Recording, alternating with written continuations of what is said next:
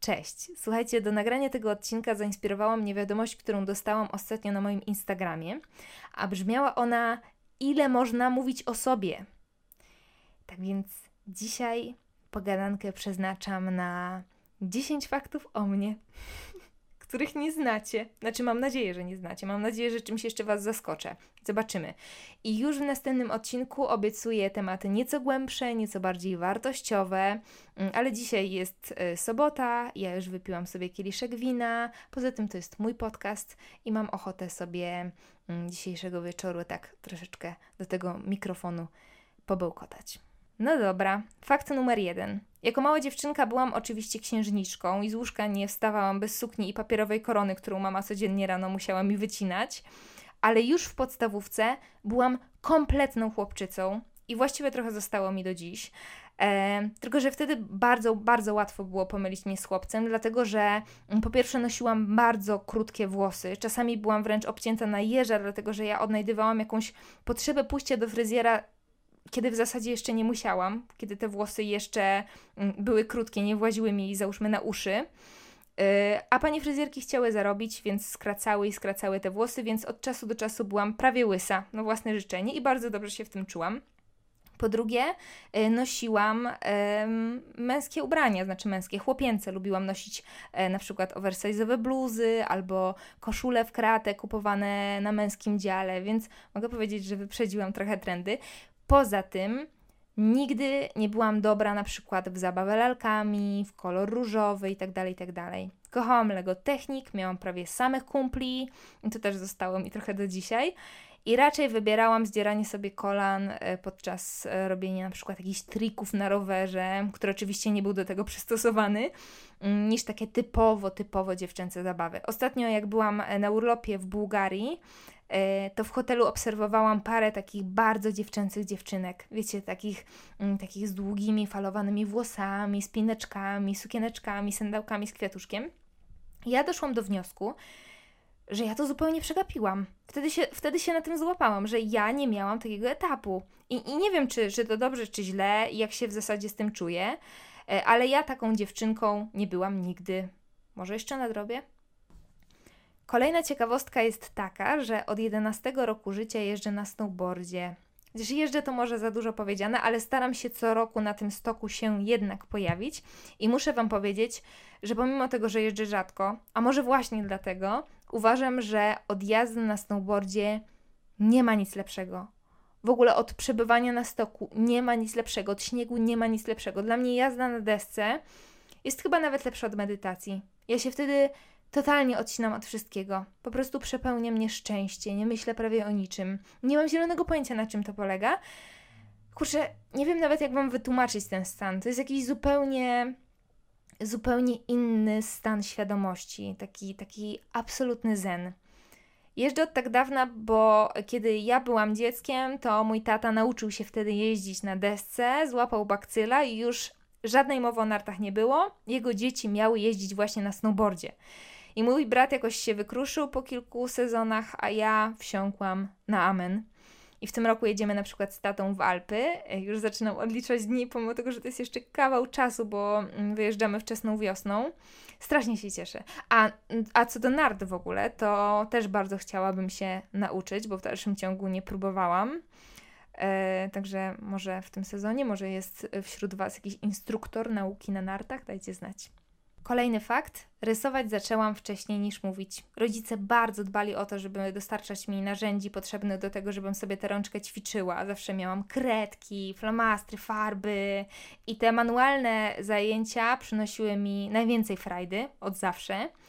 I już w wieku 4 lat, ja w ogóle w wieku 3 albo 4 lat rodzice zapisali mnie na kółko plastyczne i już w wieku 4 lat y, wygrałam swoją pierwszą międzynarodową nagrodę y, konkursie plastycznym.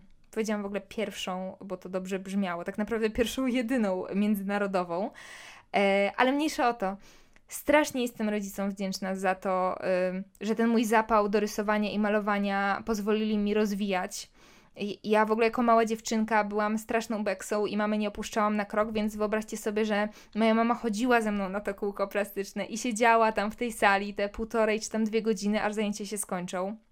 W ogóle mam super rodziców, tak by the way. Więc oni po prostu zamiast realizować jakieś własne ambicje, pozwolili mi rozwijać moje pasje. Jestem im za to bardzo, bardzo, bardzo, bardzo wdzięczna. W tym momencie już mam ścisk w gardle i właściwie to im należy dziękować za to, że mm, teraz mm, na przykład do Was mówię y, w tym podcaście, bo ja po prostu zostałam nauczona tego, że chcieć to móc. Więc jeżeli chcę do Was gadać, to po prostu to robię. Fakt numer cztery. Na studiach śpiewałam w zespole pieśni i tańca Słowianki, w zespole Uniwersytetu Jagiellońskiego. E, był to przelotny romans z ludowizną, dlatego że e, śpiewać raczej umiem, gorzej z tańcem. Jeżeli ktoś mnie widział kiedykolwiek na parkiecie, to wie, że wyglądam jakby mnie ktoś dosłownie raził prądem. E, ale tu nawet, wiecie co, tu nawet nie o poczucie rytmu chodzi, co o pamięć ruchową. musicie uwierzyć mi na słowo, że ja nie jestem w stanie zapamiętać najprostszego układu i e, o ile ludzie byli super i próby były super, atmosfera była super, tak czułam, e, że po prostu spowalniam pracę całego zespołu i musiałam się stamtąd wymiksować mniej więcej po roku. Najbardziej podobały mi się w tej całej przygodzie stroje ludowe, które były przepiękne, misternie wykonane, ciężkie jak cholera, miało się od nich zakwasy dosłownie, ale wyglądało się jak laleczka. A poza tym, poza tym warkocze. Słuchajcie, zdradzę Wam teraz małą tajemnicę.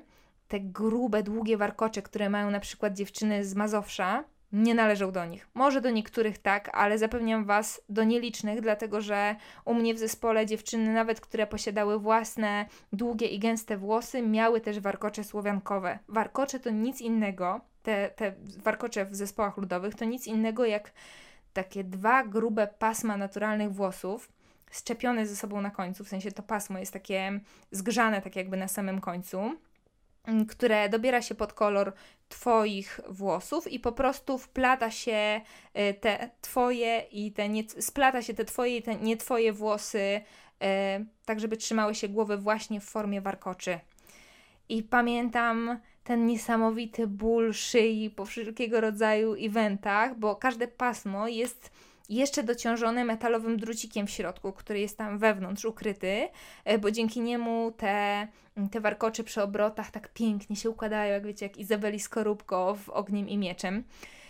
I to jest bardzo, bardzo ciężkie. A jak ma się mm, swoje dwa włosy na krzyż, ja mam generalnie rzadkie, cienkie włosy, to skóra głowy w ogóle nie jest gotowa na taką zabawę i po prostu boli, cała boli. Ym, w każdym razie, że tak dobijając trochę do brzegu, cała przygoda była fantastyczna, więc jeżeli komuś z Was nadarzy się możliwość wzięcia udziału w przesłuchaniach do takiego zespołu, to polecam z całego serca. Jeżeli macie poczucie rytmu, y, kochacie śpiewać, tańczyć, to jest według mnie strzał w dziesiątkę. Kolejny fakt. Jestem typem samotnika. I sprzedaję Wam to jako fun fact, dlatego że jestem pewna, że część z Was już o tym słyszała, dlatego że ja to już gdzieś mówiłam, ale jeżeli się mnie aż tak dobrze nie zna, a obserwuje się mnie gdzieś w mediach społecznościowych, czy spotyka nawet na żywo, to przez ten mój wieczny uśmiech na twarzy można odnieść wrażenie, że jestem super towarzyska. Ale tak nie do końca jest. I bardzo długo miałam do siebie straszne pretensje, że że nie umiem znaleźć sobie zgranej paczki znajomych, że zawsze jestem, tak wiecie, trochę tu, trochę tam, ale właściwie nigdzie nie przynależę. Wiecie co, w zasadzie to dopiero od niedawna poczułam się z tym tak komfortowo i wreszcie przestałam e, ten fakt demonizować, bo ja bardzo długo doszukiwałam się w mojej psychice jakichś dziur z tym związanych, szukałam powodu, dlaczego tak się dzieje, a ja po prostu jestem kimś, kto najlepiej czuje się we własnym towarzystwie. Kropka. Po prostu mam bardzo kocią naturę, bo ja y, wcale ludzi nie unikam, żeby była jasność. Lubię towarzystwo. Ja też chyba jestem lubiana. Tego chyba nigdy się nie wie w 100%, ale kurczę, no jestem dosyć bezinwazyjna. Ludzie śmieją się z moich żartów, więc chyba, chyba jest okej. Okay. Teraz zaczęłam się zastanawiać. No nieważne. W każdym razie lubię ludzi, od czasu do czasu lubię poimprezować, lubię gadać, lubię słuchać, ale prawie zawsze, jeżeli mam wybór, na przykład wyjść piątkowy wieczór lub zostać w mieszkaniu, to wybiorę tę drugą opcję. Mam też pewną przypadłość, która polega na tym, że nie potrafię utrzymywać znajomości. Nie, utrzymywać to jest złe słowo. Podtrzymywać znajomości. To znaczy, e, jeżeli zamykam jakiś rozdział w moim życiu, to zabrzmi teraz super okrutnie, to zamykam go razem z ludźmi, którzy byli jego częścią. To jest raczej wada niż zaleta, ale y, dobrą stroną tej przypadłości jest to, że mm, przez to, że nie przywiązuję się do ludzi, to łatwo odcinam wszelkie ogony w postaci toksycznych relacji. Nie mam z tym żadnego problemu. Jeżeli coś mi w danej osobie nie gra, to z dużym prawdopodobieństwem już jutro nie będę pamiętać o jej istnieniu. Mm, a z drugiej strony, jeżeli komuś coś we mnie nie pasuje, tak przecież też się może wydarzyć, albo traktuje mnie bardzo luźno, to absolutnie nie walczę o jego uznanie. Po prostu wrzucam grabki, łopatkę do mojego wiaderka i idę do innej piaskownicy. To nie jest zaleta. Bardziej nazwałabym to, tak jak mówiłam, właśnie wadą, yy, ale jest to wada wygodna, przynajmniej póki co. Uwaga, teraz będzie hit. Moim największym marzeniem w dzieciństwie było wystąpić w programie Od przedszkola do Opola. Ktoś to w ogóle pamięta? Nie, no na pewno ktoś to pamięta. To był super program. Może ktoś z Was tam wystąpił. Koniecznie dajcie znać, jeśli tak, bo bardzo chciałabym się dowiedzieć, jak to wyglądało. Jak każdy odcinek oglądałam z pełnym namaszczeniem, fantazjując, jakby to było tam wystąpić. Przygotowywałam sobie repertuary. Oczywiście śpiewałam w domu z kredką zamiast mikrofonu. Yy, tworzyłam to sobie takie jakieś mini układy taneczne. No ekstra, ekstra. Naprawdę chciałam tam wystąpić. Ja byłam na to, ja byłam na to gotowa. I powody były dwa. Po pierwsze, dlatego, że miałam jako mała dziewczynka jakieś dziwne parcie na szkło. Ja po prostu chciałam stać na scenie. A po drugie, dlatego że te dzieciaki w tym programie, nie wiem czy pamiętacie, ale one dostawały takie wielkie pudła z upominkami, niezależnie od tego, czy wygrały, czy nie. I dla mnie to było jakieś absolutne spełnienie marzeń. Pomimo tego, że dorastałam w pełnym dobrobycie, to jednak nic nie równało się właśnie z tymi nagrodami. I pamiętam, że te dzieciaki dostawały te pudła i wypakowywały je na widowni, i to było takie super. Kurczę, teraz sobie tak pomyślałam, że ja, ja nie jestem pewna, czy ja kiedykolwiek mojej mamie powiedziałam wprost, że chciałabym tam wystąpić. Ist, istnieje bardzo duże prawdopodobieństwo, że to było takie moje wielkie, niewyartykułowane marzenie, no bo jednak trochę się bałam tej wielkiej sceny. No ale czy tak, czy siak, słuchajcie, od przedszkola do Opola, Iga Chmielewska, kolorowy wiatr z Pocahontas albo na plaży Majki Jeżowskiej, jestem w 100% pewna, że publika byłaby moja. Kolejny fakt, kompletnie nie umiem dobierać do siebie ciuchów. Cytując Kuce z Bronxu, mój styl to łachmany. I ja, ja wiem, że na pewno znajdzie się kilka osób. No dobra, może jedna osoba, która stwierdzi, że umiem się ubierać, ale sorry, ja tak nie uważam i nie jesteście w stanie mnie do tego przekonać. Wiecie, ja. Problem polega na tym, że ja naprawdę uwielbiam modę.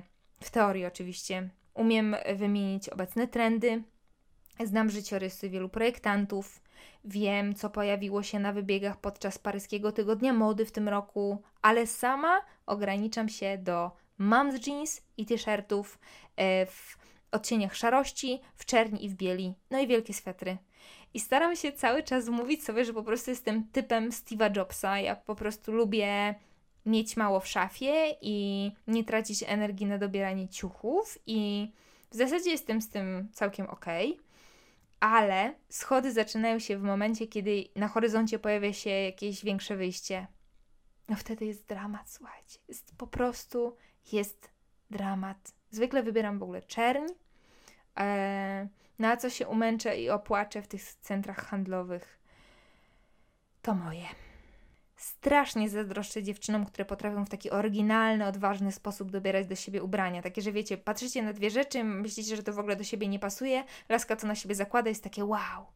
No i to jest w ogóle strefa jakaś niedostępna dla mnie. Ja przez większość życia wmawiałam sobie, że ja po prostu dorosnę do tego, że wyrobię sobie ten własny styl, no ale no ale tak się nie stało. I postanowiłam, że jak już będę miała dużo forsy, to sobie kogoś zatrudnię, kto będzie mi te ciuchy dobierał. A najlepiej w ogóle by było, gdyby jeszcze mi te ciuchy kupował.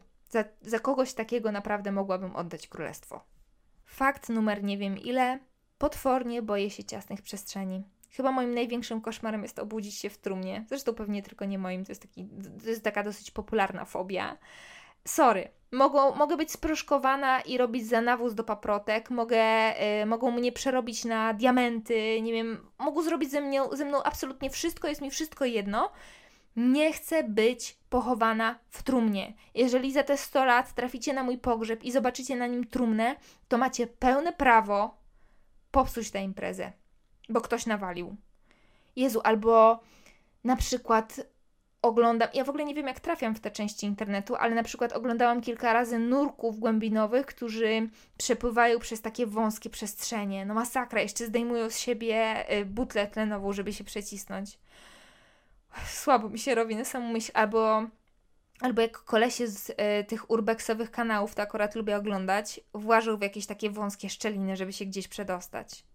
Naprawdę ja nie mam większych fobii, ale aż mnie skręca, jak na to patrzę. Koszmar, koszmar. Kolejny fakt. Uwielbiam śpiewać. I to może nie jest jakieś wielkie zaskoczenie, zwłaszcza dla widzów mojego Instastory. Ja nie robię tego często w ogóle na Instagramie, bo ja na przykład, zdradzę Wam teraz sekret, nienawidzę. Po prostu już w tym momencie mam reakcję organizmu. Ja nienawidzę, jak ktoś sobie przy mnie podśpiewuje i jeszcze jak nie umie tego robić. Mam automatyczne ciarki wstydu i doskonale zdaję sobie sprawę z tego, że ktoś, kto ogląda mojego Instagrama, też takie ciarki wstydu może mieć. Więc nie robię tego często. Dla dobra mojej widowni. Niemniej jednak na Insta czasem mi się zdarza. W ogóle śpiew to jest, to jest dla mnie coś, co działa wręcz terapeutycznie. Ja śpiewam tak samo chętnie, kiedy jestem szczęśliwa, jak i wtedy, kiedy jestem nieszczęśliwa. Jak jest mi smutno, jak jest mi ciężko na sercu, to wtedy właśnie śpiewam. I automatycznie ten ciężar spada mi z ramion. Cały czas planuję, że zapiszę się na lekcję śpiewu. Dawno, dawno temu w ogóle, jak chodziłam jeszcze e, na zajęcia śpiewu i emisji głosu w ramach przygotowań do egzaminu wstępnego na aktorstwo, mm, to pani, z którą miałam zajęcia, to była pani śpiewaczka operowa, powiedziała mi, że, mm, że nieważne co będę robiła w życiu, mam śpiewać. Bo ja generalnie mam taką umiejętność, że mm, potrafię wyciągać bardzo czysto, bardzo wysokie dźwięki, e, a przynajmniej umiałam, kiedy ten mój głos był odpowiednio trenowany. No i że to się podobno tak często nie zdarza. Nie wiem. Ale cały czas się wybieram, e, cały czas tego czasu nie mam. Ale bardzo bym chciała, więc może, może kiedyś, może niedługo. A, no i jak się bardzo napiję, wtedy jestem nie do zatrzymania. Wiecie, kiedyś byłam różą i zawsze mi się wydaje, że śpiewam niesamowicie dobrze i tylko mogę sobie wyobrażać, co przeżywają moi towarzysze. I już ostatni fakt, o którym nie wiecie, moja lewa noga jest 4 mm krótsza od prawej. Kurtyna. Tak naprawdę wydawało mi się, że faktów jest 10, teraz doliczyłam się 9, więc, więc ten ostatni musiałam szybko jakoś sobie dowymyślać. Znaczy, y, to, że mam krótszą nogę, to prawda, tylko nie był tutaj planowany. Ja nie lubię takich niepełnych y, cyfr, była dziewiątki nie wpisałabym po prostu w tytuł tego odcinka. Tak samo jak mówię, że mam 30 lat, chociaż mam jeszcze 29. O nie, to już 11 fakt. Nieważne. Dzięki za wspólnie spędzony czas. Do usłyszenia. Całuję. Cześć.